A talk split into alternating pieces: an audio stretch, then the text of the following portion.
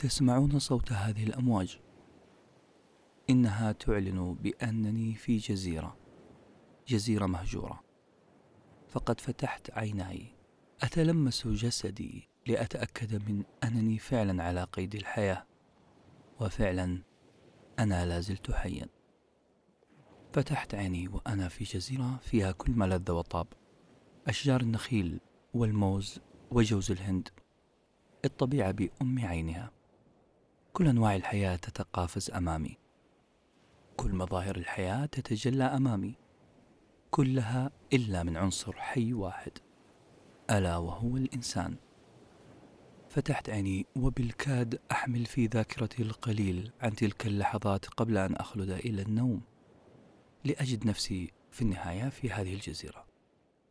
دعوني أستذكر ما حصل. أتذكر أنني كنت في الطائرة.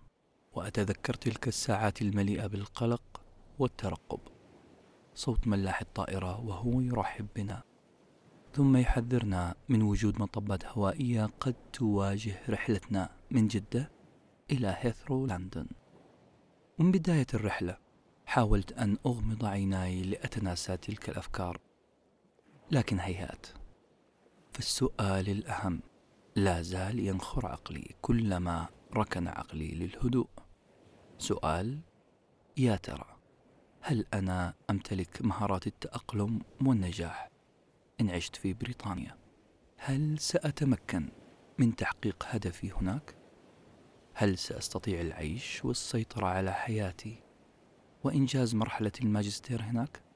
هل أمتلك مهارات البقاء من الأساس؟ يبدو أن ثقتي بنفسي في محل شك الآن يبدو أنها أزمة ثقة بيني وبين إمكانياتي. يبدو أنني فعلا في أزمة. يبدو ويبدو ويبدو. ضغطت على هذه الأفكار بكل قوة وأغمضت عيناي بحزم ثم خلدت للنوم. كانت هذه هي بداية رحلتي إلى الجزيرة الخالية من البشر. Paper sandwich. Enjoy your meal. جهزنا لكم اليوم مقال ولكل المقالات. كثيرة جدا هي المقالات والكتب اللي تم نشرها عن موضوع الثقة. اتفقت معظم هذه المنشورات على شيء واحد أن الواثق يستطيع فعل كل شيء يستطيع العيش تحت أي ظرف. ولحسن الحظ وقعت عيني على مقالة في مجلة فوربس مجلة ريادة الأعمال الأشهر. في البداية كنت متردد. هل هذه المقالة فعلا هي المقالة المطلوبة؟ قرأتها على مضض لكن سرعان ما أخذت عيوني في الاتساع من هول ما قرأت. بصمت بالعشرة. إنها مقالة تستاهل لسببين. أولا أنها تقدم نظرة للثقة من زاوية جديدة تماما. وثانيا أنها أعطتنا قماش خام للثقة. أنت عزيزي المستمع راح تمارس دور الخياط. حتفصل الثقة على مقاسك المطلوب. لو أنا حبيت أسوق لبودكاست اليوم وأبرز لكم أهم مميزاته راح أقول أنه يقدم نظرة جديدة للثقة زاوية جديدة غير مألوفة هل هذا الشيء مميز؟ إننا نسلط الضوء على مفهوم معين من زاوية جديدة؟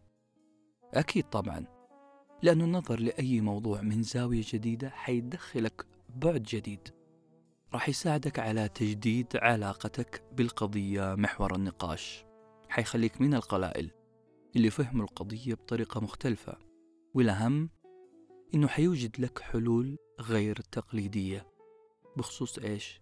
بخصوص مشكلة الثقة سر المقال في الزاوية الجديدة هل تعرفوا الأديب الإنجليزي اتش جي ويلز؟ نعم اتش جي ويلز هربرت جورج ويلز ما تعرفوه؟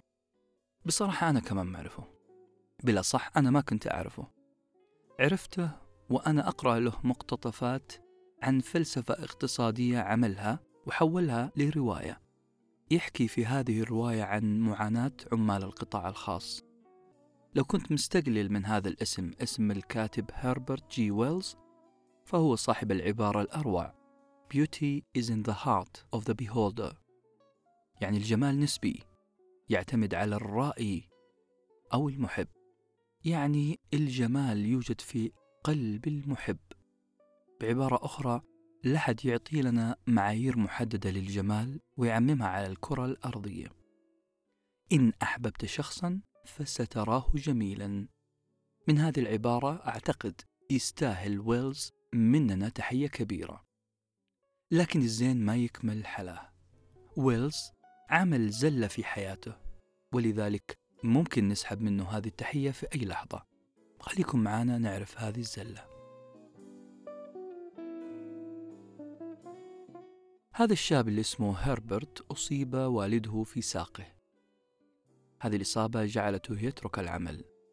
الآن لم يعد هنالك أحد يصرف على العائلة لذلك اضطر أصغر الأطفال اللي هو هربرت أن يعمل في محل من محلات الملابس. كان هربرت يعيش وينام معظم وقته في مستودع تحت الأرض. ورغم مأساوية هذا الوضع إلا أنه استطاع في هذا المكان الغريب أنه يكون فلسفة مختلفة وغريبة تماما عن البشر. ومن خلال الشباك الوحيد الذي يطل على الشارع هذا الشباك اللي لا يستطيع أن يرى فيه إلا أقدام الناس فقط أقدام الناس. بلا صح كان يرى أحذية الناس وهم يمشون في الشارع.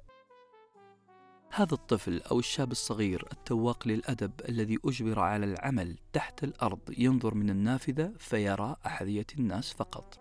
ماذا؟ عساه أن يكتب. المفاجأة أن هذا الطفل أو هذا الشاب الصغير بدأ يفهم شخصيات البشر من أحذيتهم. بدأ يحكم على اقتصاد البلد من نظافة وقذارة وجودة أقدام المارين أمام المحل. هذه الزاوية الغريبة التي كان يرى منها الناس مكنته من تكوين فلسفة خاصة عن كل شيء. يعني على سبيل المثال، إذا انتشرت الأحذية الجديدة فهو يعرف أن الأغنام والبقر قد انخفضت أسعارها في جميع أنحاء العالم، والعكس صحيح. كذلك عندما يرى شخصا بحذاء جديد لكن هذا الحذاء متسخ فهو يعرف أن هذا الشخص غني لكنه مهمل في علاقاته العاطفية ليه؟ لأنه بحسب وجهة نظره تهتم النساء في الرجل بنظافة حذائه وأظافره. وعشان كذا ممكن نستخلص قاعدة من كلام هربرت أنه الرجال الذئاب هم من يهتمون بنظافة أحذيتهم وأظافرهم. بصراحة أنا أعترض عليه نسبيا. مو معقول يا سيد ويلز أن تحكم على كل رجل نظيف مهتم بمظهره وأظافره بأنه كائن مستذئب. لكنها تبقى وجهة نظر لافتة وزاوية غريبة جدا للنظر للحياة. المقال تبنى هذا المذهب الويلزي. فضل أن ينظر لموضوع الثقة من زاوية جديدة تماما لكنها ما هي من تحت الأرض بل من قلب الأرض. البودكاست حيعطيك نظرة متفردة لمفهوم الثقة. أنت حتصير من القلائل الذين ينظرون للثقة من زاوية جديدة غريبة تماما. ستصبح من القلائل اللي فهم عناصر الثقة عوامل قوتها تعزيزها في الإنسان. المقال قدم الثقة مو بس من زاوية واحدة بل من 13 زاوية. ستخلق بهذه الزوايا معظم الأسئلة المفتوحة حول كيف أكون واثق من نفسي بالمناسبة ومن المفارقة. أنه رقم 13 هو رقم نحس في الثقافة الغربية. أعتقد معظمكم عارفين هذا الشيء. ما في زواجات تتم في يوم 13 خاصة لو صادف يوم جمعة. ما في صفقات تعقد. 10% من الأمريكيين يؤمنون بنحس هذا الرقم. الفنادق هناك تتجنب ترقيم غرفها بهذا الرقم. لدرجة أن الخوف من هذا الرقم صار مرض. اسمه رهاب الرقم 13 اسمه دريسكايديكابوفوبيا. خوف من رقم 13 خوف لا مبرر له. خوف إحنا خلقناه لنفسنا. خوف سببه نقص في الثقة في أنفسنا في الحياة في قوانين الحياة في كل ما هو موجود في الحياة. نقص الثقة خلاني أنا شخصيا مو بس أخاف من رقم 13 بل خلاني أخاف من كل ما تواجد في رحلتي من جدة لبريطانيا من أولها لآخرها. لم أكن أتوقع أن تنتهي رحلتي السعيدة بأن أكون في جزيرة مهجورة. فقبل صعودي للطائرة كنت شخصا آخر. في المطار كنت مشغولا في تجهيز أمور الرحلة. قص التذاكر شحن الشنط. حتى لما صعدت إلى الطائرة وخلال الساعة الأولى من الرحلة كنت لا أزال أشعر بقمة السعادة والفخر. فها أنا ذا. أحقق حلما طالما انتظرته. الحلم هو السفر إلى أرض الإنجليز. الأرض اللي بحكم تخصصي حلمت كثيرا بالسكن فيها ولو لفترة. الأرض اللي ححصل فيها على درجة الماجستير في التطبيقات اللغوية باللغة الإنجليزية. الأرض اللي راح أطور فيها من قدرتي اللغوية وأكيد أني راح أحسن من خطي الاحترافي. لكن مع كل ساعة تمر وأنا في الطائرة على هذه الرحلة كان يتطور شعور مضاد شعور خوف من المسؤولية خوف من المجهول شعور أنا لا أعرف ما أسبابه متى وكيف نشأ. كنت أسند رأسي على المقعد وأعلم أنه ورايا إرث كبير تعودت عليه وأنه أمامي عالم جديد لا أعلم عنه شيئا. ولأني كنت عارف بأن النوم يعد من سابع المستحيلات خاصة مع تدفق هذا السيل من الأفكار والمخاوف. قررت أني أقرأ فأخرجت مجموعة من الكتب اللي جبتها معايا في حقيبتي الخاصة. وللأسف أول كتاب جاء في يدي كان كان رواية رواية اسمها 13 Reasons Why 13 سببا إحنا ما نختلف إنه رواية 13 سبب أو 13 Reasons Why نجحت نجاح كبير. هذه الرواية اللي تحولت لمسلسل أكثر نجاحا. بمجرد أن أعلنا في تويتر بأن حلقتنا القادمة عن هذه الرواية أو هذا المسلسل وصلنا في تويتر وسناب فيدباك سلبي كثير وكبير. وصلنا بأن المسلسل ممل. وصلنا أن المسلسل لا يضيف للمشاهد شيء. أنا كمان بعد مشاهدة كم حلقة من المسلسل بدأت أتساءل. ليه مسلسل عن الانتحار ينجح؟ ليه مسلسل يصور لك بنت أخفت أشرطة مسجلة بصوتها عن أسباب انتحارها نتابعه بشغف هل لأن كل تابو ممنوع ومرغوب؟ سألت الأسئلة هذه كثيرا قبل كتابة السكريبت راح أصارحكم أنا ما تابعت كل المسلسل ولا قرأت كل الرواية أنا تابعت حلقات كثيرة منه وقرأت فصول سريعة من الرواية ولا أخفيكم سر. مشاهد الرواية تركتني في حيرة. بصراحة تركت ألم في صدري. المسلسل يا جماعة مؤلم مخيف. لا يقدم لك أي راحة نفسية. لكن هذه تبقى وجهة نظر شخصية. يمكن أنا حسات زيادة عن اللزوم؟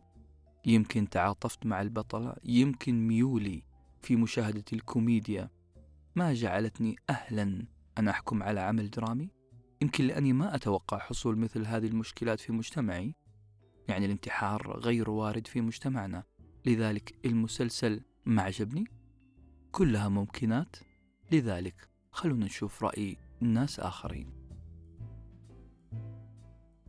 رواية 13 سببا. كتبت عام 2007 للمؤلفة جاي آشر.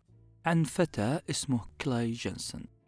هذا الفتى كان يدرس في المرحلة الثانوية ورجع البيت من المدرسة ليجد طردا بريديا مجهولا عند بيته. وجد في هذا الطرد سبعة أشرطة كاسيت سجلتها هانا بيكر.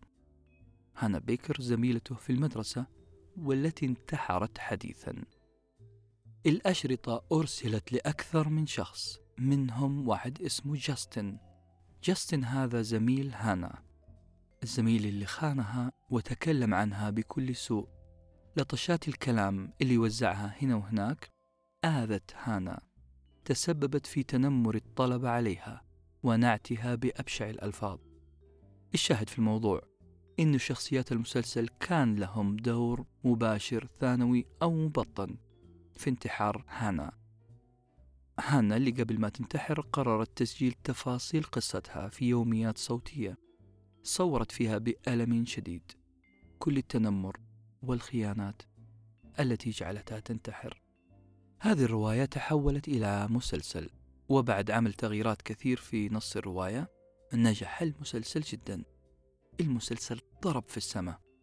قصة الرواية والمسلسل تعج بمشكلات يعاني منها الشباب خاصة فيما يسمى بنظام التعليم الحديث. هذا النظام اللي خلط الحابل بالنابل وجمع مجموعات كبيرة من الشباب في مربع صغير. ترك الشباب في منظومة تسمى ظلما وعدوانا منشآت تعليمية. بينما هي أقرب لمستودعات للأذية الجسدية والنفسية والأخلاقية. اقرأ شوية في الجرايد الأمريكية وحتلاحظ أن الشباب الأمريكي يعاني الأمرين في هذه المستودعات التي تسمى منشآت تعليمية. بلاش نركز على منظومة التعليم الجديدة. لأنها ما هي المكان الوحيد للتنمر. التنمر في كل مكان. التنمر له نوعين رئيسيين. نوع مباشر وهو التنمر في حالة وجود الضحية وغير مباشر يعني في غياب الضحية. زي الإشاعات مثلا اللي تنهش شخص غير موجود. أشكال التنمر كذلك متعددة. في تنمر جسدي هذا بالضرب والأذية البدنية. في تنمر لفظي هذا بالكلمات المكتوبة والمنطوقة. أو تنمر علاقاتي. يعني أن تدمر علاقة أحدهم بالآخر. تكون العذول على قولهم. وكذلك تنمر ممتلكاتي. يعني أنك تخرب ممتلكات شخص آخر. كل هذه الأنواع من التنمر. لكن يبقى أهم نوع. اللي هو التنمر الإلكتروني. cyber bullying يكفيك زيارة خاطفة لأي وسيلة تواصل اجتماعية وتفرج على التنمر على أصوله. واحد من أصل كل ثلاثة طلاب في أمريكا تعرضوا للتنمر وخاصة خاصة إذا كان الطالب مختلف عن باقي الطلاب. إذا كان مختلف شكلا دينا عرقا أو ميولا. الإشكالية الكبيرة فين؟ أنه لا يوجد إحصائيات واضحة تبين لنا كيف أنه الإعلام تعامل مع هذه الظاهرة.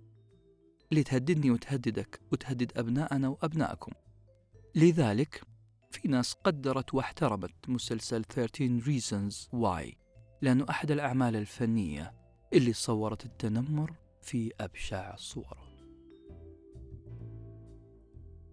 خلونا نركز على السؤال. ليه نجحت الرواية في البداية؟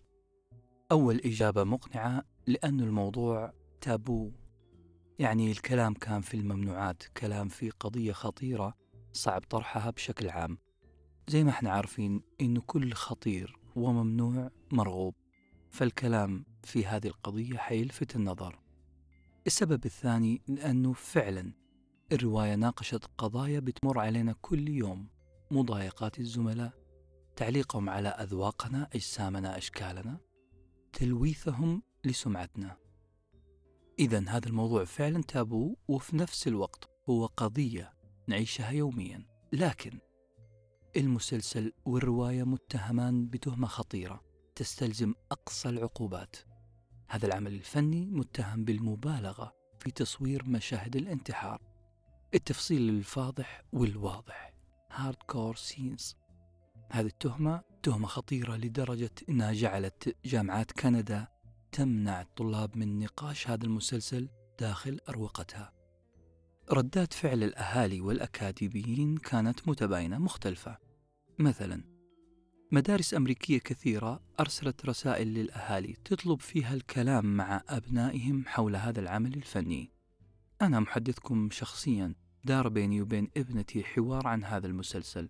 حاولت أفهم إيش اللي يدور في عقل المشاهد وهو يشاهد هذا المسلسل. قالت كلام خطير وجميل. قالت إنها تعاطفت مع البطل الضحية. وقالت إن المسلسل تركها في حالة حزن وإنه هذه النهاية ما كانت النهاية المطلوبة. في شخصية أكاديمية على صفحات الإنترنت أثنت كثيرا على المسلسل. قالت إن المسلسل لا ينفع لمن هم أقل من 16 سنة.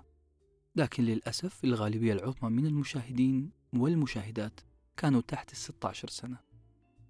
أردفت هذه الأكاديمية قائلة تعاملوا مع الأفلام ككيس ستادي حالة دراسة. يعني تفرج على الحلقة وابدأ في نقاش تفاصيلها وتفنيد أسرارها وتحليلها مع أبنائكم. اعتبروها قطعة تاريخية كأنها ملحمة حروب آشورية فيها دماء وخيانات وعبر ودروس. دور المتلقي اللي هو أنا وأبنائي هو التعليق والاستنتاج والتحليل. أحد أجمل التعبيرات اللي قرأتها تصف المسلسل وكانت تمدحه بالأصح. جات في مقالة في موقع بوب شوغر الكاتبة اسمها ماجي بانوس التعبير كان إن كنت قد غمرت نفسك في العالم المظلم لمسلسل 13 سببا فأنت يجب أن تشير بأصابع الفضل لفريق الإخراج والتمثيل. فريق التمثيل اللي كان معظمهم من فئة الشباب تحت العشرين. وهنا نجي للتعبير العظيم اللي استخدمته الكاتبة قائلة يعزى نجاح هذا المسلسل to the brutally honest storytelling. نعم هذه الكاتبة وصفت المسلسل بأنه honest و brutally يعني مسلسل حقيقي وصادق وصادم ووحشي في نفس الوقت. كتابة وحشية عن واقع. قد يكون هذا الواقع محدود وقد يكون لفئة بسيطة من الناس لكن يبقى واقع. واقع عاشته فتاة عانت الأمرين المسلسل صيغة بطريقة وحشية فعلا. وقدم لنا نحن المشاهدين اللي على باب الله ونبغى ترفيه. قدم لنا بطريقة وحشية ومؤلمة حالة انتحار. ومشاهدة مثل هذه الأعمال كما قرأت قبل فترة وكما قدمناه كبودكاست عن نظرية علمية اسمها نظرية التبلد Desensitization Theory إنه كثرة مشاهد العنف تجعلك متبلدا للعنف وهذه مشكلة. الخطير في الرواية والمسلسل هو أنهم أعطوا حل جذري لمشكلة لكن هذا الحل كان هو الهروب وتسجيل موقف بشكل درامي المسلسل وبحسب رأي مقالة في موقع The Ringer لعبت على وتر الفصل بين ما أستطيع فعله في الواقع وما لا أستطيع. بطلة الرواية والمسلسل ما استطاعت تواجه كل من عذبها في حياتها. ما قدرت توريهم حقيقتها. فضلت أنها تخاطبهم بأقسى طريقة ممكنة وهي قتل نفسها وإرسال رسائل لهؤلاء المذنبين تشرح فيها وجهة نظرها. تجبرهم على الاستماع إليها. لعبت على شعورهم بالذنب. أجبرتهم على فهم وجهة نظرها اللي ما قدرت تشرحها وهي حية. فشرحتها وهي ميتة. بحسب تعبير الموقع هانا سجلت موقف with the most drastic means. drastic يعني أقسى وأقوى أثرا على المستمع. المشكلة وبشكل واضح في هذا المسلسل إنه قدم فوائد للانتحار. صور لنا كيف أن الانتحار هو تسجيل موقف وانتصار للمنتحر.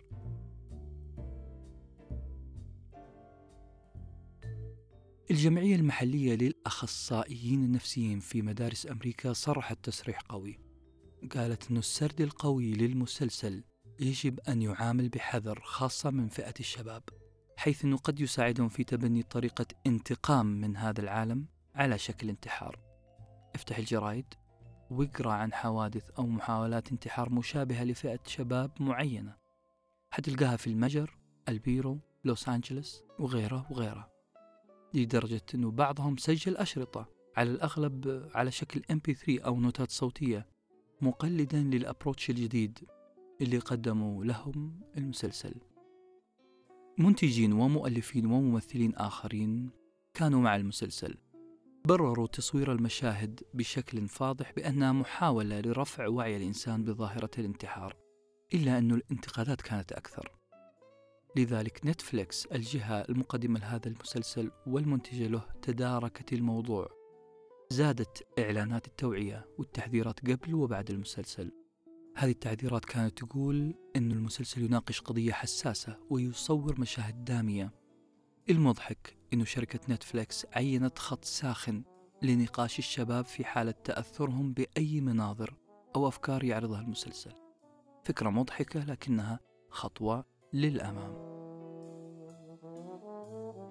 المسلسل بدون شك ظلامي جدا. واحدة من الإشاعات أو الأخبار اللي ساهمت في شهرته هو خبر سربه فريق العمل. أنه فريق العمل استعانوا بكلاب علاجية ثيرابي دوغز وهي أعزكم الله كلاب تستخدم في المستشفيات عادة لتطمين وتسلية المرضى والتخفيف عنهم نفسيا. بمعنى أنه من كثر ما المشاهد كانت قاسية ومؤلمة على فريق التمثيل فإنهم اضطروا للاستعانة بهذا النوع من الكلاب لإخراجه من حالتهم النفسية السيئة اللي دخلوا فيها. السؤال إلى متى يتم عمل زوم إن على العيب والوضع المريب والمشكلة؟ إلى متى نتجاهل الحلول؟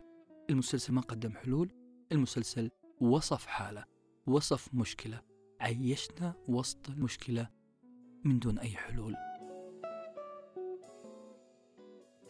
قسونا على المسلسل كثير يمكن إحنا قدمنا له دعاية مجانية إضافية لكن كما يقول المثل الإنجليزي لن تستطيع أن تنظف حدبة الحصان من غير أن يلحقك بعض الأذى.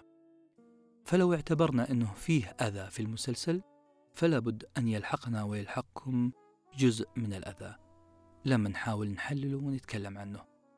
الغرض في بودكاستنا ما هو استعراض ظاهرة الانتحار ولا التحذير من المسلسل بل مناقشة العوامل اللي ساعدت هانا على الوصول لحالة فقدان الأمل المخيفة اللي عاشتها.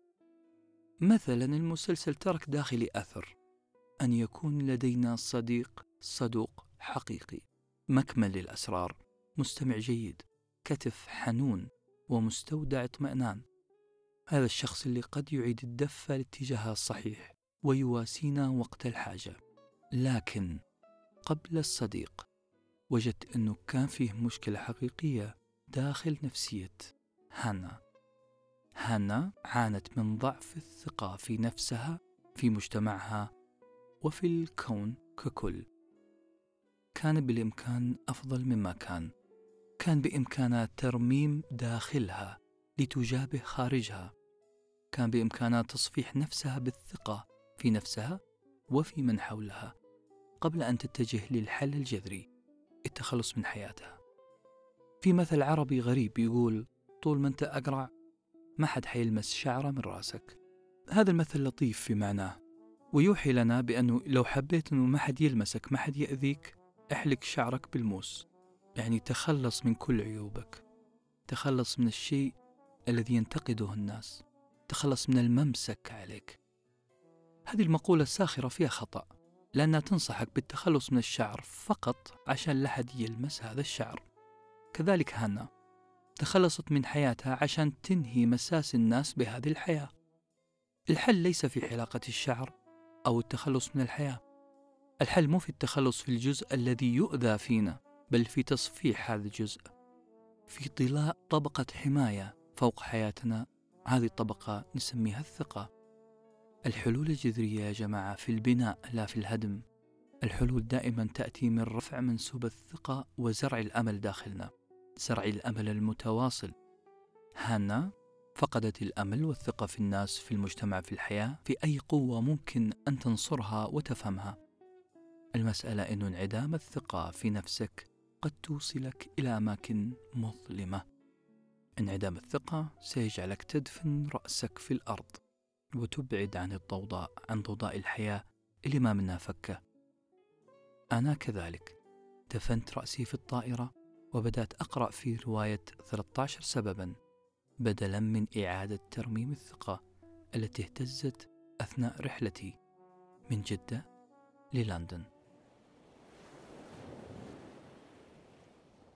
فتحت عيني في جزيرة مهجورة.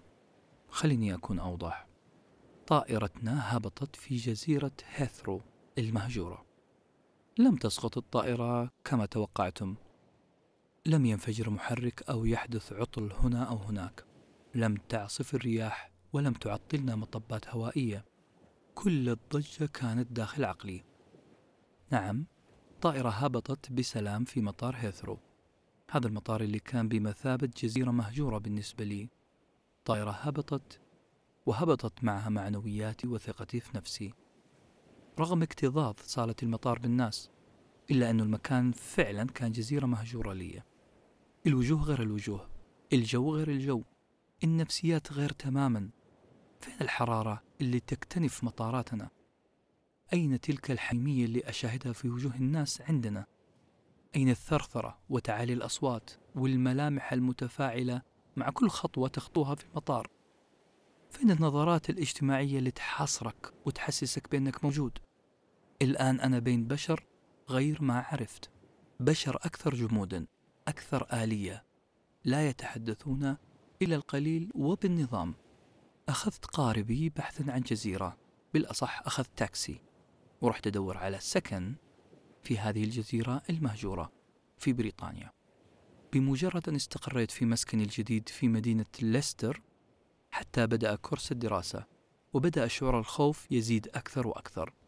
فهناك إما أن أحصل على الماجستير في الوقت المحدد أو أعود كما بدأت بدأت الظروف تضغط على ثقتي في نفسي أكثر وأكثر بدأت أحس بالمسؤولية إنها أكبر من إمكانياتي المسؤولية أكبر من إمكانياتي وسألت السؤال المفصلي هل أنا كفء لهذه الخطوة؟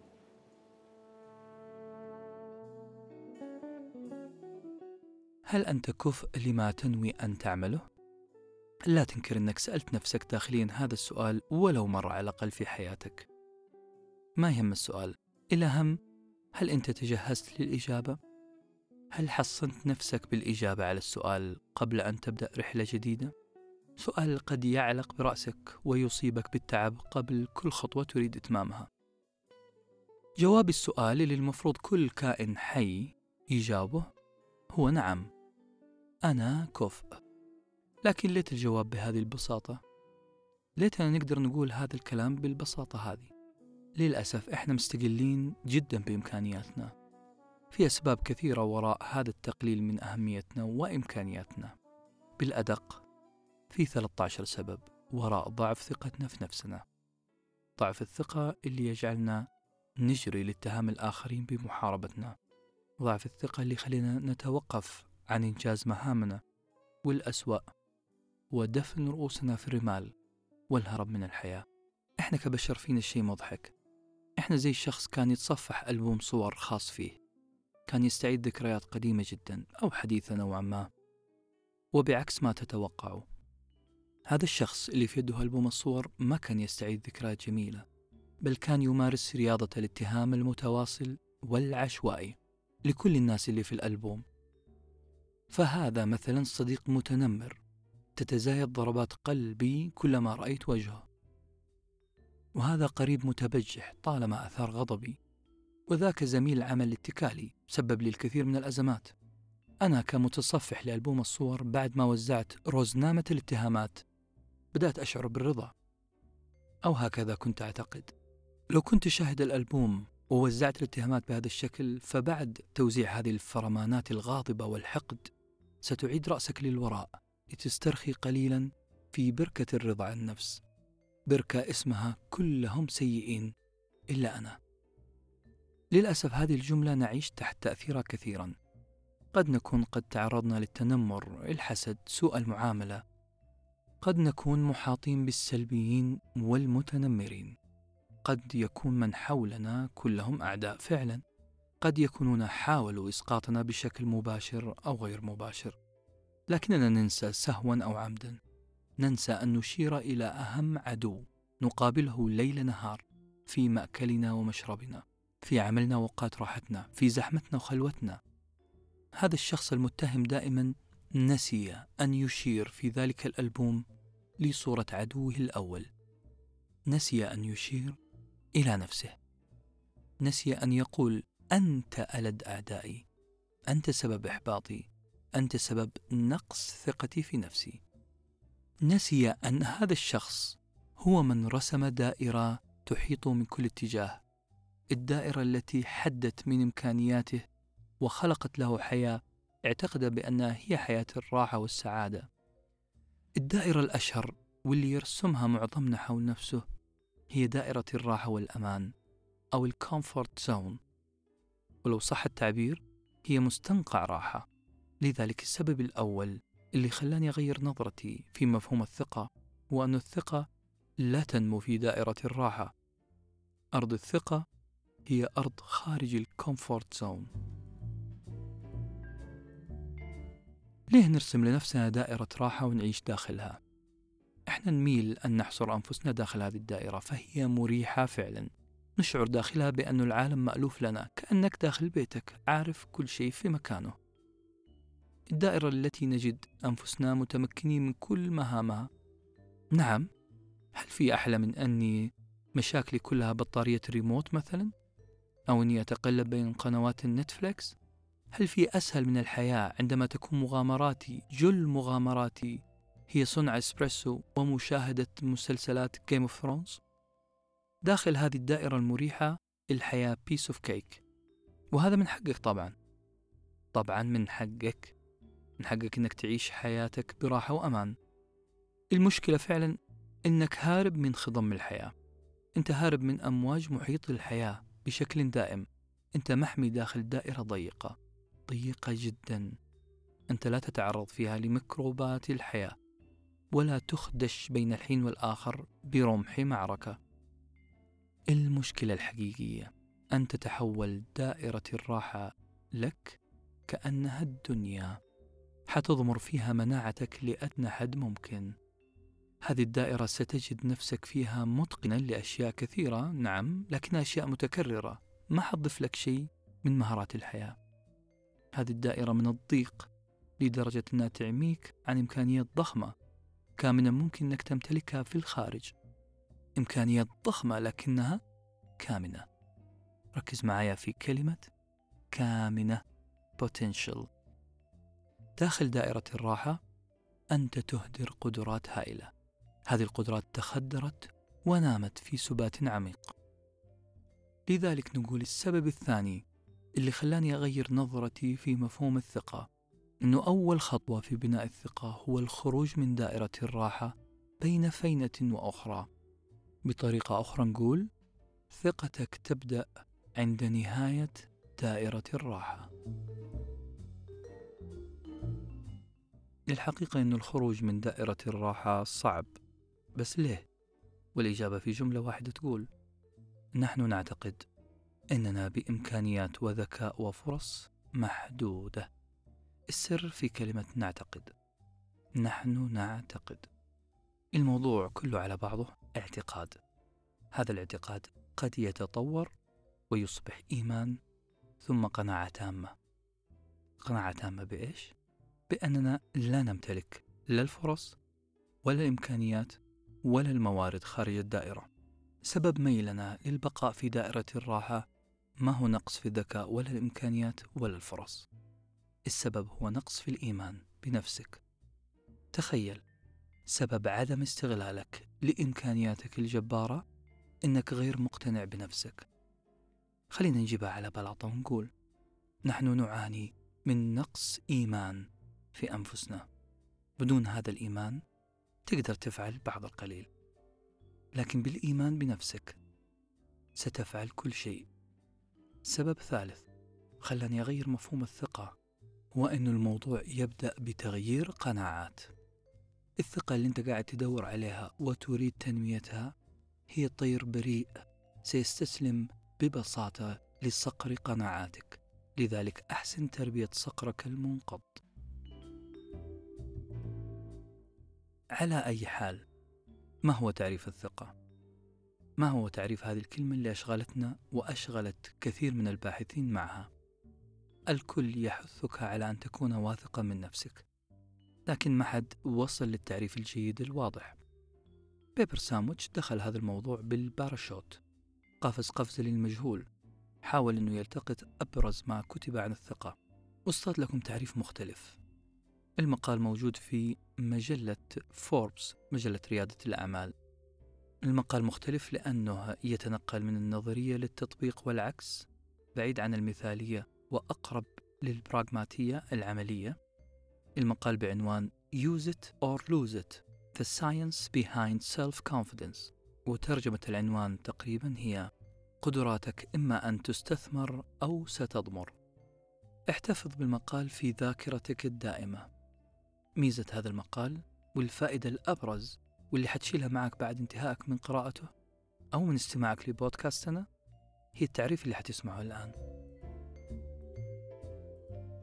أنت ممكن تشك في كلامي ومن حقك فكيف لتعريف كلمة تعريف فقط أنه يكون من الأهمية والضرورة أنه يغير لك حياتك كاملة؟ رغم أني زعلان عزيزي المستمع من شكك في كلامي رغم أني زعلان منك عزيزتي المستمعة في تشكيكك في منطقي إلا أني مصر على كلامي. نعم تعريف الثقة. اللي حتسمعه بعد شوية؟ سيغير لك شيء مهم في نظرتك للحياة. تعريف ملهم لسبب. إنه راح يوريك مفهوم الثقة من بعيد. راح يوريك ال big picture. راح يوريك جمال هذا المفهوم. معروف إنه أي لوحة تقترب منها فإنك حتلاحظ بوضوح ضربات وخربشات الفرشاة. سترى خطوط الرسم وتعرجات هذه الخطوط يعني سترى الألوان الزيتية بشكل بشع قليلا. ملامح الصورة لن تكون واضحة زي لو شفتها من بعيد. لذلك إحنا مضطرين نبتعد شوية عن اللوحة لوحة الثقة عشان نشوف جمالها. الصورة الكاملة تقول أن الثقة ليست مسألة جينية. لما تكون عايش داخل تفاصيل حياتك حيكون عندك قناعة مفصلة ومحكمة بأن الثقة شيء يولد مع الإنسان إذا والدك أو والدتك أو أحد أعمامك أو أخوالك. كانت ثقته في نفسه قوية؟ عنده كاريزما قيادية؟ متحدث جيد؟ فاحتمالية أنك تكون واثق من نفسك صاحب كاريزما متحدث جيد هي احتمالية كبيرة والعكس صحيح. بالعربي. إحنا عندنا قناعة أن الثقة شيء جيني بالوراثة. يولد الشخص واثق أو غير واثق. هذا خطأ وخطأ كبير. هذه حتمية بيولوجية مرفوضة.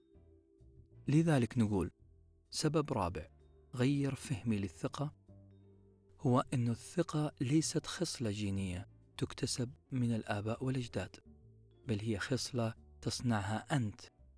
وتورثها اجتماعيا لأبنائك وأبناء أبنائك. للأسف أنا كثيرا ما نسيت أن الثقة ما لها علاقة بالجينات.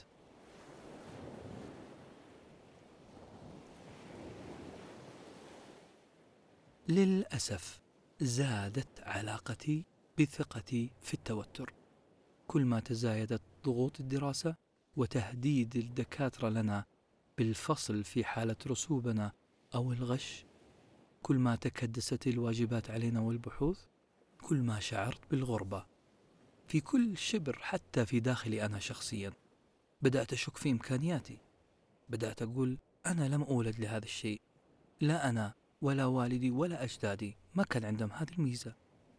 بدأ حوار داخلي يقول أنت لم تولد لهذه المهام الجسيمة. هذه الجملة اللي كانت تحوم داخل عقلي بلا توقف. بدأ التفكير القسري يغزو عقلي. بدأت أحادث نفسي ليل نهار بحثا عن طريقة أكتب فيها واجباتي. أقنع الآخرين بأني أستطيع لكن هيهات. زادت نسبة استهلاكي للكافيين. مطبخي الصغير يعج بأنواع البن وأشهرها قهوة مهمة فندي القهوة التركية الأصيلة. أرطال السكر تتكدس في كل دولاب والأكواب تتزين لي في انتظار أني أختار واحد منها. إلى أن حصل المحظور تسارعت نبضات قلبي في يوم ما. بدأت أحس بشد في يدي اليسرى. ألم أعلى المعدة تعرق وإحساس بالدوار. لا مو إحساس بالدوار كان دوار فعلي. هذه الحالة جعلتني أقضي معظم وقتي مستلقي على السرير. اضطررت أني أعمل عدة اتصالات بالطوارئ عشان أخذ موعد. نرجع للثقة. الثقة ما هي الصفة ثابتة بل هي مشروعك الخاص. هي أهم مشروع عندك. مشروع إعادة إعمار عقلك بملفات القدرة والاستطاعة. الثقة هي صفة مكتسبة. اكتسبها ناس معينين مو لأنهم جينيا واثقين ولا لأنهم عقليا عباقرة. بل لسبب واحد لأنهم أرادوا ذلك. أرادوا أن يمتلكوا الثقة لأنهم أرادوا ملء هذا العقل اللدن الجميل بأفكار وحوار ذاتي إيجابي. الثقة ليس مصدرها قدراتك بل قدراتك مصدرها ثقتك وهذا هو سر الأسرار. خذها قاعدة مني وإنساني باقي عمرك. مو لأنك صاحب قدرات خارقة ستكون صاحب ثقة عالية. بل العكس تماما لأنك صاحب ثقة عالية ستفجر قدراتك الخارقة. كارثتنا كلنا يا بشر إننا نخرج من أجسادنا، نلتف ونلقي نظرة على أنفسنا، فإذا وجدنا أنفسنا ناجحين حنكسب الثقة، لكن إذا وجدنا نفسنا بلا مهارة أو إنجاز سحبنا رتبة الثقة من على أكتافنا ووهبناها لناس آخرين. السؤال الآن يرجعنا لبداية البودكاست.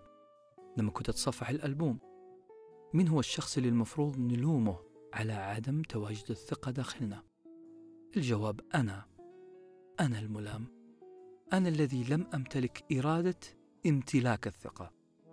سبب رابع غير نظرتي للثقة.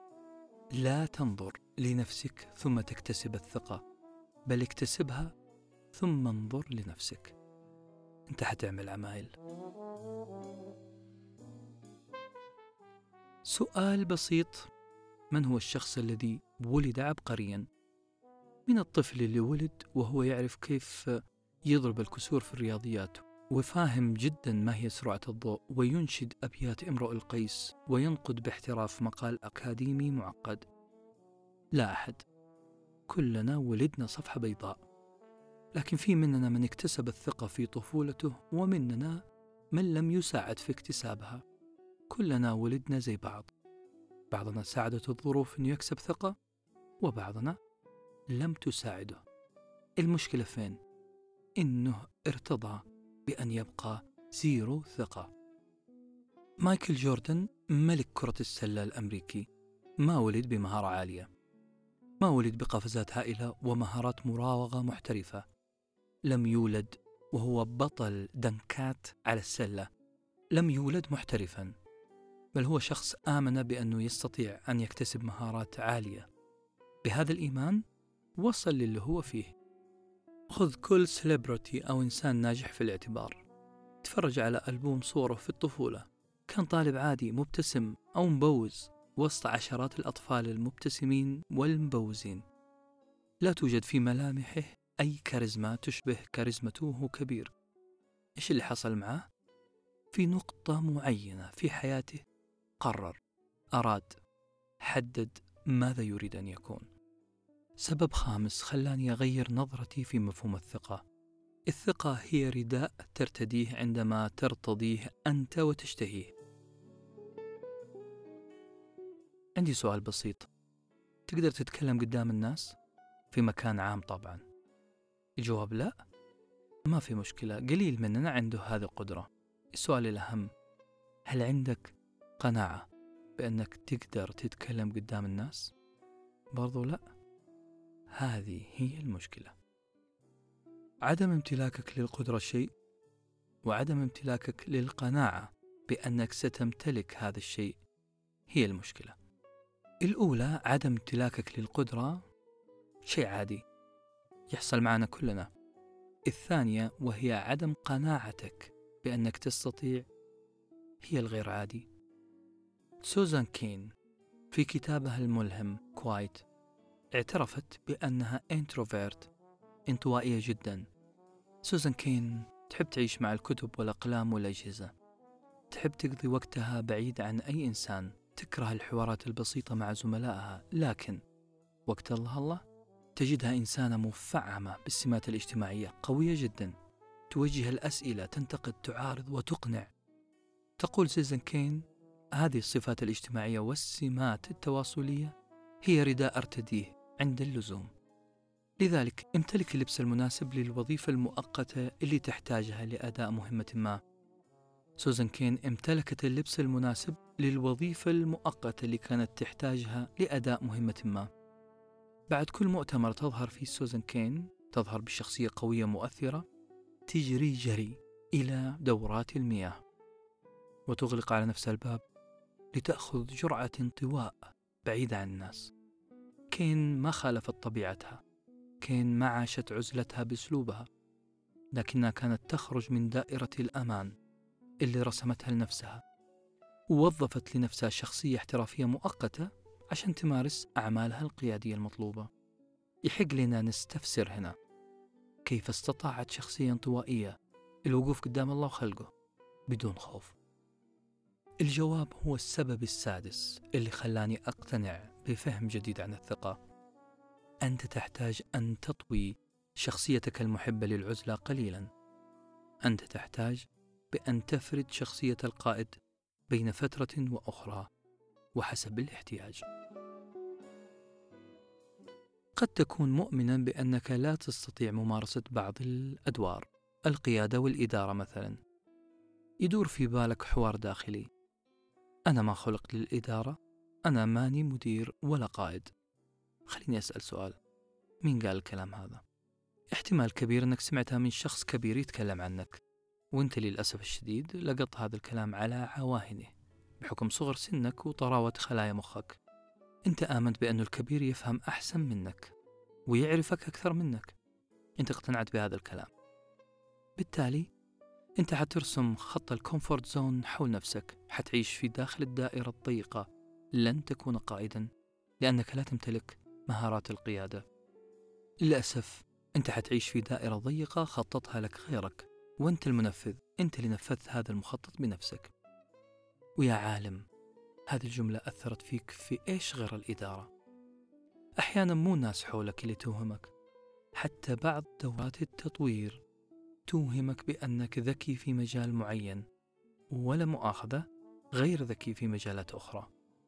رسموا لك خارطة طريق لك وهي أن تبحث عن إبداعك في مجال واحد لأنك خلقت لمجال واحد. السبب السابع اللي شقلب إدراكي للثقة. هو أن الإنسان ذكي من عشرين جهة وليس هناك حد أو شكل للذكاء. لا تجعل شخص آخر يشير لك إلى الزاوية ويقول لك كل ما تمتلكه من ذكاء في تلك الزاوية لأنك متعدد الذكاء. بعد شعوري بتلك الآلام في جانب الأيسر وأعلى المعدة بعد شعوري بالتنميل والتعرق وصعوبة التنفس؟ اتصلت على الطوارئ. أرجوكم إلحقوني. أنا أشعر أنه في مشكلة كبيرة في قلبي. كان الطرف الآخر في المكالمة أشبه برجل آلي. بلا صح امرأة آلية. مجموعة أسئلة محددة مختصرة. هل تستطيع أن تمشي؟ هل تشعر بالدوار؟ هل تقف الآن على قدميك؟ هل هذا التنميل ثابت أم أشبه بالنوبات؟ بعد ما جاوبت بكل صدق قالت لي بكل برود حجزنا لك موعد الساعة سبعة الصباح عند الطبيب العام في المركز الصحي بجانب منزلك نعم أنا أموت وانتي تطلبي مني الانتظار للسابعة ما استطعت أني أصب اللعنات عليها فلساني كان بالكاد يتحرك فعلا أحسست بأن مشكلة ما أصابت جهازي العصبي والقلبي في النهاية انصعت للأمر. صبرت حتى الساعة السابعة صباحا. حركت قدماي بكل تثاقل إلى الشارع. طلبت التاكسي لنقلني للمركز الصحي. توسلت لموظفة الاستقبال. أن تحجز لي قبل الجميع. لأن حالتي طارئة. لكنها بنظرة سريعة. لكشوفاتي.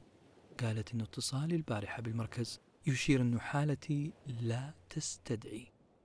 كنت أصرخ بداخل عقلي أنا متعب أنا من يشعر بالألم ليس أنتم جلست في الصالة في صالة الانتظار في أسوأ وضع ممكن أراقب الأرقام على الشاشة الإلكترونية ثابتة لا تتغير موعدي لا يأتي في تلك اللحظة كنت أنظر للجميع وأتساءل كيف يضحك هذا الشاب أمامي؟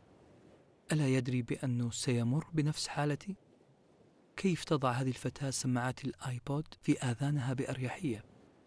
هل تحسب أن مشاكل الإنسان مشاكل بسيطة جلدية والسلام؟ كيف لا يشعرون بمعاناتي الآن؟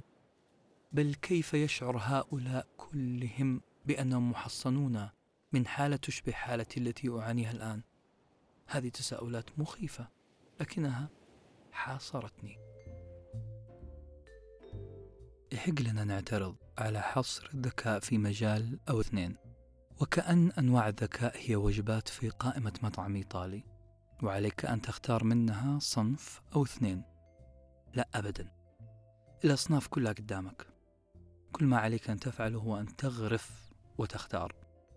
أنواع الذكاء بوفيه لك الأحقية بأن تختار صنفك المفضل صنف أو اثنين أو ثلاثة أو أكثر. السؤال المهم ليه ما أختار معظم الوجبات في قائمة المطعم الإيطالي؟ ليه ما أختارها كلها؟ ليه ما أكون ذكي في أكثر من مجال؟ ليه تقنعوني بأني ذكي بدنيا ورياضيا فقط؟ ليه تجبروني وتجبروا غيري بأن أهمل الذكاء المنطقي والعاطفي والاجتماعي واللغوي؟ انتبه للدائرة اللي ترسمها لنفسك اخرج من الدائرة المغلقة استكشف ذكاءاتك المتعددة واجعل هذه العبارة التالية هي تغريدتك المثبتة في تويتر عقلك العبارة تقول To do list today Number one Leave the comfort zone. مهمة اليوم وكل يوم هي أن أخرج من دائرة الأمان ولو بخطوة. أخرج من دائرة الراحة كل يوم.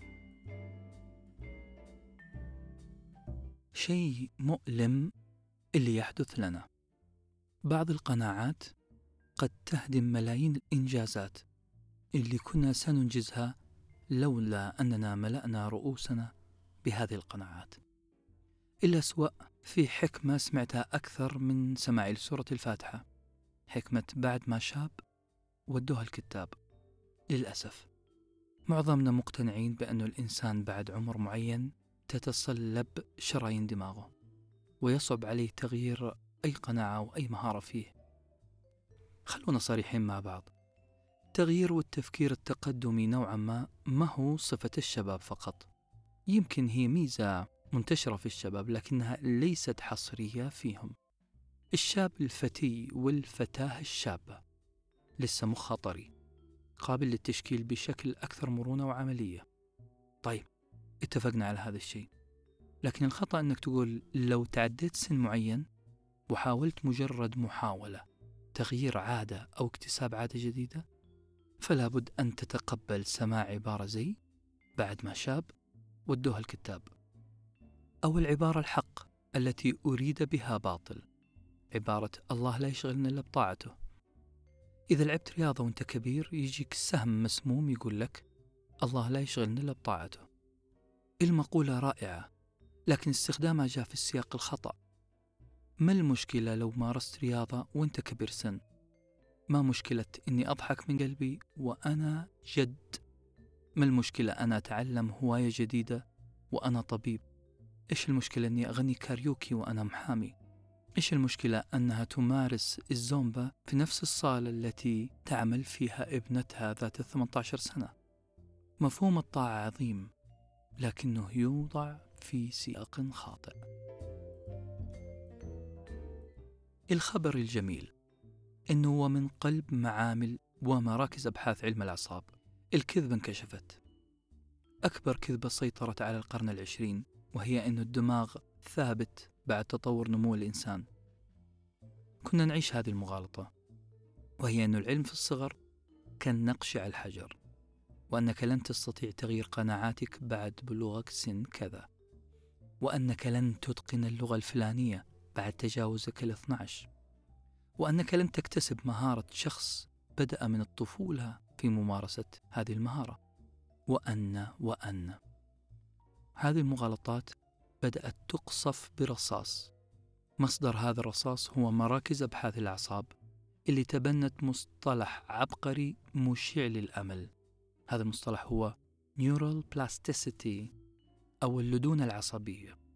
هذه النظرية سمحت لنا أن نتخلص من قناعة عدم تطور الدماغ حتى في سن متأخر شوية. الدماغ قادر على إعادة تشكيل تركيبته الداخلية وقادر على تغيير تشكيلة الوايرات والأسلاك الداخلية بطريقة متجددة حتى بعد البلوغ بمراحل. بالعربي البسيط السبب الثامن اللي أعاد تركيبة الثقة عندي هو أن المخ عضو مرن دائما. لا مانع أنك تسمح له يزور الجيم باستمرار. لا تمنعه أن يتمدد.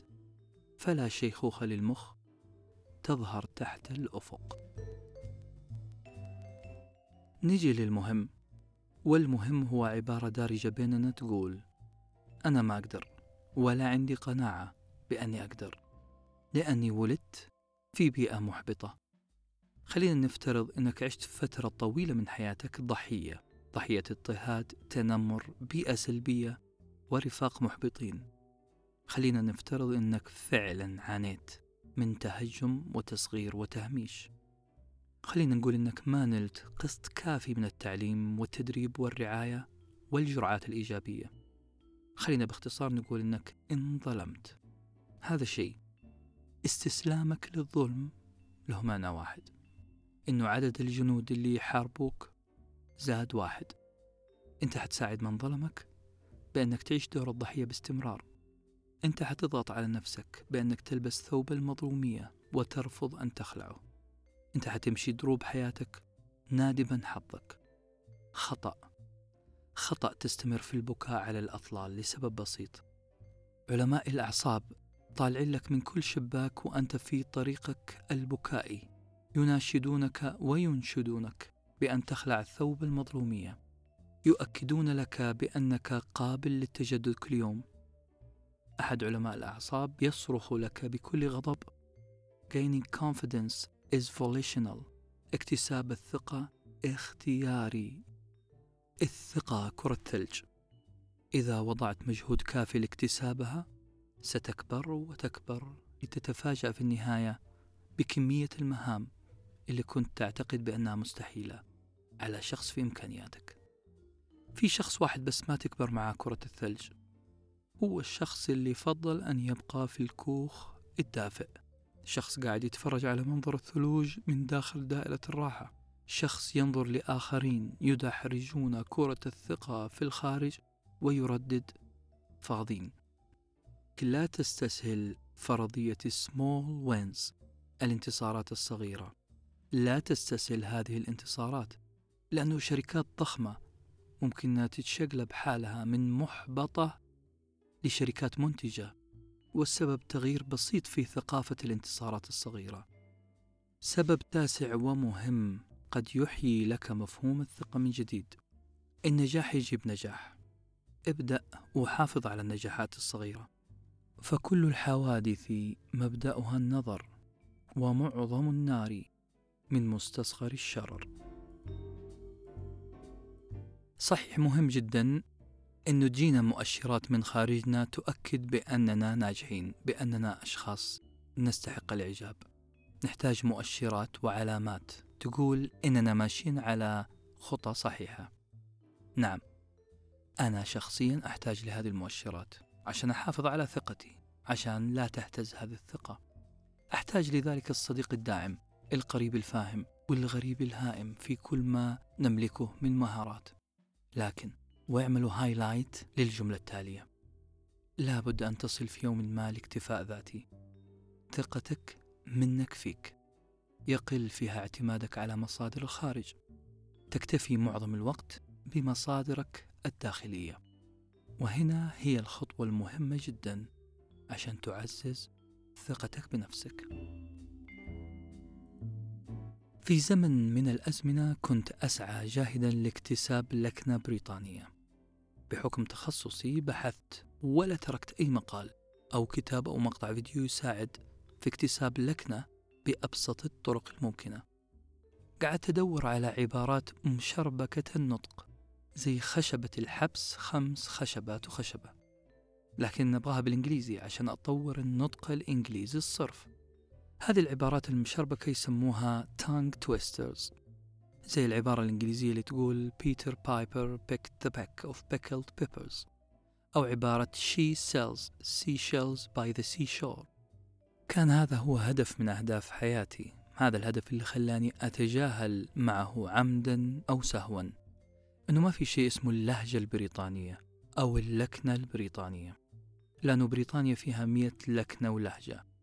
فيها الكوكني مثلا لهجة الطبقة العاملة في لندن أو الآر بي الإنجليزية البريطانية المعتمدة واللي تتكلمها الطبقة ال high high ولكنة ال Estuary اللي هي خليط بين الشوارعية وبين الملكية ولكنة ليفربول اللي فيها حرف الخاء العربي. يعني ممكن تقول أنا رايح آكل برجر في ماكدونالدز وأبغى أروح البحيرة اللي هي الليخ وفيه لكنة برمنغهام اللي صنفوها كأزعج لهجة إنجليزية على وجه الأرض. لما قلت إنه هدفي هو تعلم اللكنة البريطانية كان قصدي اللكنة الدارجة في الأفلام والبي بي سي اللهجة واللكنة التقليدية. المهم معظم النصايح اللي جاتني كانت جيدة. منهم من كان يدرس نطق الحروف باللكنة البريطانية حرف حرف مع إظهار مخارج الحروف بالصوت والصورة. ومنهم من يقول لي قلد لهجة فنانك المفضل أو الشخصية المشهورة المفضلة عندك. ومنهم من كان يهمش فكرة تغيير الأكسنت ويعتبرها هرطقة وكلام فاضي. وكان يقول لي ركز على فعالية التواصل. ومنهم من كان يقول والله أنك فاضي. والله لا يشغلنا إلا في طاعته. ما علينا. أجمل نصيحة مرت علي من هذه النصايح هي نصيحة المبالغة في تقليد اللكنات. قلد لكنة بطريقة مبالغ فيها وكأنك impersonator كأنك مقلد أصوات. هذه النصيحة كانت مبنية على قاعدة fake it till you make it يعني قلد وبالغ في التقليد حتى تتقن ما تقلده. صحيح في البداية حيكون تقليدك ومبالغتك مضحكة لكنك حتبدأ تدريجيا تلطف هذه المبالغة في النطق حتى تصل للدرجة المطلوبة. نفس الشيء الثقة. الثقة تحتاج منك مبالغة وتمثيل ومحاولة. تحتاج منك إنك fake it till you make it. تحتاج أن تخرج من منطقة الأمان من دائرة الراحة من هذا العش الذهبي المريح. تحتاج منك دفعة لك إلى أرض جديدة أرض تظهر فيها بشكل الشخص الواثق الذي تتمناه. بالغ في التمثيل وستتقن. ما تمثله. يعني إيه؟ يعني سبب عاشر يخليني أنظر للثقة بشكل جديد. الوصول للثقة المطلوبة يحتاج جراءة. الجراءة تحتاج شرارة. الشرارة دفعة أنت تدفعها نفسك للخروج من دائرة الراحة وخوض تجربة جديدة. الثقة تحتاج قليل من الوقود للانطلاق خارج عالم آمن غير مفيد. سألني أكثر من واحد سؤال. إيش قصدك بأني أظهر بالشكل الواثق اللي أتمناه؟ يعني إيش؟ Fake it till you make it. يعني تتكلم في الاجتماعات بصوت أعلى من عادتك. إنك تطرح طرح جديد. كنت تخشى طرحه من قبل. هذا الكلام كلام سهل إني أقوله لكنه صعب على المتلقي. المشكلة فين؟ إنه في اللحظة اللي أحاول فيها الخروج من دائرة الراحة ومنطقة الأمان اللي أتنعم فيها. في هذه اللحظة اللي المفروض أني أقفز لمسبح الصوت العالي أو أن أخالط الناس في قضايا جديدة عمري ما طرحتها. أتراجع بدون سبب. هنا مشكلة مشكلة حقيقية تحتاج حل. التردد والتراجع والانسحاب. مشكلة القفزة والمغامرة البسيطة اللي لازم نعملها. لها حل. هذه المقالة اللي قاعدين نقدمها لكم عن الثقة تقول الخطوة المهمة لاكتساب الثقة هي القفزة المغامرة وحس المخاطرة. هذه القفزة وهذا الحس يحتاجان تطوير منك. تحتاج أنك تقتل التردد. هذا الكلام يأخذنا نحو قاعدة مهمة اسمها قاعدة الخمس ثواني. تذكر أن الحياة تبدأ عند أول خطوة لك. خارج ال comfort zone. إذا حبيت نتائج مختلفة لابد أنك تعمل الأشياء بطريقة مختلفة أنك تغامر. خلونا نشوف قاعدة الخمس ثواني. ميل روبنز ألفت كتاب بسيط قصير مختصر مفيد سهل ممتنع. ملاحظين كيف أنا مدحت الكتاب كثير؟ يستاهل. الكتاب اسمه قاعدة الخمس ثواني. هذا الكتاب قد يكون هو الحل. حل مشكلة التردد عندك. تقول روبنز ليس كافيا أن تعرف ما تريد أن تفعله. ملاحظين؟ مو بس المسألة مسألة تجهيز ذهني بل في خطوات عملية. تقول روبنز لا يكفي معرفة المغامرة اللي أنت مقبل عليها. ما يكفي امتلاكك للمعرفة ولا المعلومات ولا المهارة. كلام كبير. مو بس مهارة ومعرفة ووعي. كل هذه العناصر ما تكفي إنك تصل لمرحلة التنفيذ. أمامك عدو يسمى تردد اللحظات الأخيرة. هذا التردد اللي يوقفك عن تنفيذ ما خططت له من فترة طويلة. أنت تحتاج لعبة سايكولوجية تخدع بها عقلك المتردد. تردد اللحظات الأخيرة مشكلة عويصة فعلا وبائية يعاني منها معظم البشر. ممكن واحد يساعدك ويقول لك الكليشة المشهورة just do it. للأسف المسألة ما هي بهذه البساطة. عقلك حيقاوم خدعة just do it. داخل عقلك وقبل تنفيذ أي مهمة جديدة فيها مجازفة طبعا حيحصل صراع بين معسكرين. المعسكر الأول معسكر قوي وهو ما يجب علي أن أفعله. أنا خططت وعندي المهارات والمعلومات الكافية. الآن علي أن أفعله. لكن المعسكر الثاني هو المعسكر الأقوى. ما أشعر بأنه يجب علي فعله. الصراع بين المعسكرين عادة ينتصر فيه المعسكر الثاني بالمشاعر عادة أنا أفضل أني أختار أسمع كلام مشاعري تلك اللحظة اللي هي الخوف والتردد. لذلك معظمنا كبشر نتردد في اللحظات الأخيرة وننصاع للمعسكر الثاني.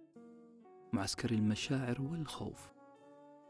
قبل أن تنفذ أي مهمة عقلك يعمل بكل قوته ليضخم لك حجم هذه المسؤولية. ملاحظ حجم المعاناة اللي حتواجهها قبل تنفيذ قرارك؟ عقلك حيصغر من إمكانياتك ويكبر جدا من حجم مسؤولياتك. هذا بالضبط اللي يحصل خمس ثواني قبل مرحلة جو انطلق. الحل. الحل في تكنيك بسيط جدا اخترعته ميل روبنز. ولأنه تكنيك بسيط جدا هاجمها كثير من النقاد. إنها حولت هذا التكنيك لكتاب. قالوا كان من الأفضل إنه ميل روبنز تجعل هذا التكنيك في صفحة واحدة في مدونة أو كلمة قصيرة في اليوتيوب على الأقل. لكن لا أنا مع ميل روبنز بأنها جعلته كتاب. لأنه قاعدة زي هذه أنا جربتها وجربها آلاف الأشخاص ونجحت معهم. تستاهل أن تكون كتاب منفرد متفرد يحتفى به. فشلت المؤلفة ميل روبنز وزوجها في مشروع تجاري. كانوا شايفين سقوطهم الدراماتيكي أمام عينهم. بدأت أقدامهم تغوص في وحل اليأس. في نفس الوقت كان عليهم أداء مهام عدة. مثلا الاستيقاظ من النوم توصيل الأبناء للمدرسة أعمال المنزل مراجعة حسابات الشركة والبحث عن عمل جديد. من هنا بدأ الصراع بين ما يجب فعله وما يشعرون بأنه يجب فعله. في كل مرة يحاول الزوجان تنفيذ مهامهم تنحاز عقولهم للكومفورت زون. مثلا رنين المنبه والذي يعلن بداية تنفيذ مهمة جديدة وتوصيل الأطفال للمدرسة. كان يعامل معاملة قاسية تنتهي بركلة قوية أو ضربه على رأسه على زر سنوز ضربة مبرحة. كذلك قرارات البدء في رجيم أو برنامج رياضي أو مشروع عمل جديد أو لقاء أقارب كلها كانت تنتهي عند هذه العائلة بمعارك ينتصر فيها الانسحاب من التنفيذ. هنا بدأت ميل روبنز اكتشاف ال gap بين ما تشعر وما يجب. تقول روبنز الحل للتوقف عن التوقف. الحل للتوقف عن الانسحاب. يجب أن أشعر عقلي بأنه لا خيار لدي إلا التنفيذ. هذه الجملة كانت المحك. الخمس ثواني هو تكنيك اخترعته ميل روبنز لدفع نفسها دفعا أن تفعل ما يجب أن تتجاهل الخيارات الأخرى اللي حترجعها لمنطقة الراحة. الخمس ثواني هو عد تنازلي من خمسة لصفر العد التنازلي هذا يصرخ في العقل بأنه لا مجال لديك للتردد لا مجال للتراجع. لديك خمس ثواني قاعدة تتناقص. فعليك أيها العقل الجميل المائل للانسحاب أن ترتب أولوياتك في هذه المدة البسيطة وتبدأ في التنفيذ. بالعربي اضحك على عقلك. فهموا أنك بداخل صاروخ حينطلق في خمس ثواني. أنت تمتلك المعرفة اتخذت القرار لديك المهارة. باقي أن تهد جسور الرجعة. سبب رقم 11 جعلني أغير مفهوم الثقة عندي. إذا ترددت في اللحظات الأخيرة بعد اتخاذ قرارك كل ما عليك هو أن تعد. خمسة أربعة ثلاثة اثنين واحد جو وستنفذ بدون تردد. يقال إنه مهندس ميكانيكا محركات طلبته البحرية الأمريكية لإصلاح محرك سفينتهم. طلبوه كحل أخير لأنه تغيير محرك كامل حيكلفهم مئات الألوف. اللي حصل؟ إن المهندس قال لهم في نفس واحد وبكلمة واحدة أجرتي ألفين دولار. الجماعة وبدون تردد قالوا له تم لكن أصلح لنا الموتور المهندس وبملامح خبرة تستحق الإعجاب وبكل بخترة. ضرب كم ضربة على المحرك حط إذنه على سطح الغطاء. فتح ورقة وتخطيط وتشريح للموتور وقال لمساعده المقرب المشكلة في مسمار 15 المساعد قدم له مفتاح الشد المطلوب. ما هي إلا ثواني من شد المفتاح؟ واشتغل الموتور بكامل أناقته. خلع المهندس القفازات والقبعة ولبس نظارته الشمسية وسلم موظف قسم الصيانة فاتورة بألفين دولار. الموظف هنا فتح عيونه على الآخر وبدأت نبرة الاعتراض تظهر. كيف تطلب ألفين دولار؟ والموضوع كله مسمار واحد غير مشدود. المهندس قال فاتورتي دولار على شد المسمار. و1999 دولار على معرفتي أن كل المشكلة في هذا المسمار. مقالة اليوم تقول لك احتمال أنه حل مشكلة اهتزاز الثقة عندك تكمن في مسمار صغير. لا تتوقع أنه هو سبب المشكلة. قد تكون مشكلة الثقة عندك في شيء بسيط زي ال physical pose واحدة من المقالات اللي دعمت هذه الحلقة مقالة كتبتها مارجي واريل. تقول الكاتبة الآن هذه اللحظة قف وارفع رأسك شد كتفيك وانفخ صدرك. ابتسم بكل ثقة. خذ خطوات في المكان اللي انت فيه وأعطي نظرة ثقة وأنت تتجول بنظرك في المكان. الشاهد. أنا كنت أقرأ المقال في كوفي عام الزبائن من حولي يمين وشمال. في هذه اللحظة رجعت لأول المقال باحثا عن اسم المؤلفة. بصراحة خفت إنها تكون من المؤلفات اللي انشهروا بكتابة المواضيع إياها مواضيع أطلق العملاق بداخلك وامشي على الجمر واخلع ملابسك وامشي مشية البطة عشان تصير جريء. لقيت اسم المؤلفة مارجي وارل. نسخت اسمها؟ واستشرت دكتور جوجل بحثا عن معلومات عنها. جوجل كان كريم معايا. قال إنه مؤلفات هذه المؤلفة معظمها عن قتل الخوف واكتساب الشجاعة. وجدت أن كتبها من أكثر الكتب مبيعا ولها مقابلات يسيل لمضمونها لعاب العقل.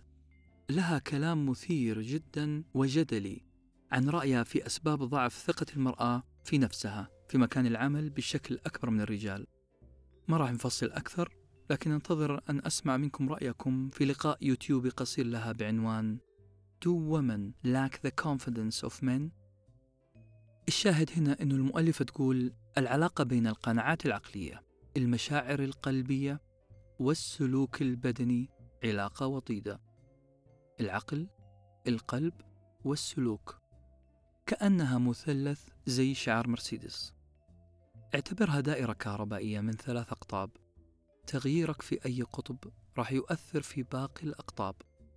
يعني لو غيرت في مشاعرك لو شحنت مشاعرك بشحنة إيجابية فإن الشحنة ستصل بدون استشارتك للسلوك الخارجي.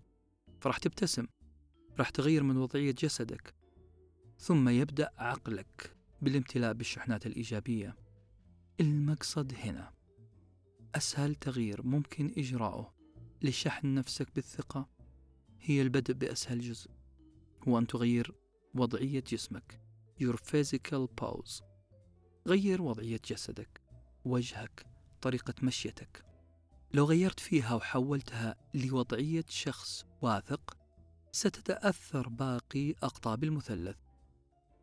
المؤلفة دعمت كلامها بدراسات من جامعة هارفارد. أهمها دراسة للبروفيسورة إيمي كادي. هذه الدكتورة اللي عملت موديل سمته بال power pose أو وضعية القوة. ربطت فيها بكل إصرار بين الحالة النفسية للإنسان وطريقة جلسته ووقفته. سبب رقم 12 غير فهمك للثقة. كما للثقة مضمون فإن لها شكل. اعتني بنفسك. اهتم بشكلك. البس أحلى ما عندك. ابتسم خذ وضعية الواثق. وستجد الثقة تغازلك طالبة وصالك. جاءت اللحظة الحاسمة. جاء رقمي للدخول إلى العيادة. دخلت وبالكاد أرفع قدمي من الأرض. ها هي الطبيبة أمامي. طلبت منها مباشرة أن تعمل لي تخطيط قلب. طلبت منها هذا الشيء متناسي. إني ما أعرف إيش هو تخطيط القلب. لكن الطبيبة سألتني بابتسامة مصطنعة أنت ليه تطلب تخطيط قلب؟ هل عندك سكر أو ضغط؟ هل عندك مشاكل سابقة في القلب؟ هزيت رأسي وقلت لها لا وقتها بدأت تكشر عن أنيابها وقالت هل عندك ضغط نفسي مؤخرا؟ هل تعاني من القولون؟ هل تستهلك كميات قهوة بشكل كبير؟ لحظتها نظرت للأرض محاولا ألا ترى نظرة الخجل في عيني وقلت لها جدا. سألت سؤال أخير وقالت وهل تحمل هذه الشنطة الثقيلة دائما على كتفك الأيسر؟ في هذه اللحظة؟ فهمت مغزى هذه الأسئلة. فهمت أنها تلمح أن كل مشاكلي لها علاقة بكل شيء ما عدا القلب. استلت الطبيبة أدوات الفحص بشكل سريع وزادت من رتم كلامها عن أثر الضغوط ضغوط الدراسة على الطلاب. وفهمتني أنه شيء طبيعي أن تشعر بهذه الآلام فلا شيء يدعو للقلق الزائد. ومع استمرارها في الكلام لاحظت أن رتم التنميل حول عيني بدأ يخف. آلام أعلى المعدة بدأت تخف حدتها. ومع الورقة التي أعطتني إياها وقادتني للباب كعلامة توديع لي قالت شكرا لك على أنك قلت لي دكتورة أنا مجرد ممرضة هنا. أساعد الطلبة في رفع وهم الأمراض اللي يصيبهم. خرجت من المركز أشبه بحصان نشيط يرمح في شوارع ليستر ويصهل سعيدا بصحته. عدت إلى بيتي بخطوات مهرولة. لا تساؤلات ولا استفهامات على رأسي من الناس اللي تضحك في الشارع. لكن في سؤال واحد لا زال يغمر كل خلية عصبية في عقلي. كيف أوصلت نفسي لهذه الحالة؟ باختصار أنا نسيت نفسي. عشت وهم ونسيت الحقيقة. نسيت إني أنا أهم شيء في حياتي. نعم أنت أهم شيء في حياتك.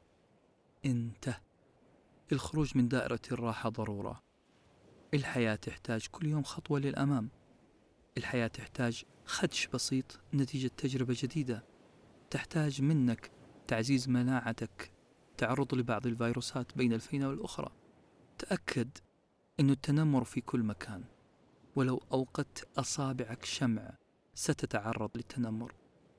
حياتك تحتاج تعزيز تحتاج تجارب واكتساب ثقة. تحتاج وتحتاج وتحتاج.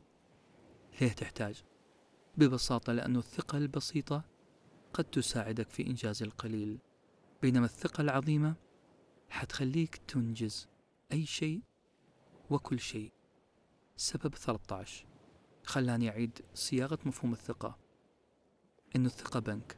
كل ما أودعت فيه قدرت تصرف هذه السيولة من البنك على شكل مشاريع وإنجازات. تصرف منه على تأمين نفسك داخليا. أن تحصل على الاكتفاء الذاتي. املأ بنكك بمقالات مثل مقالنا. وطلب خاص مننا. حول هذه السيولة البنكية لمن يعز عليك. وفي حفظ الله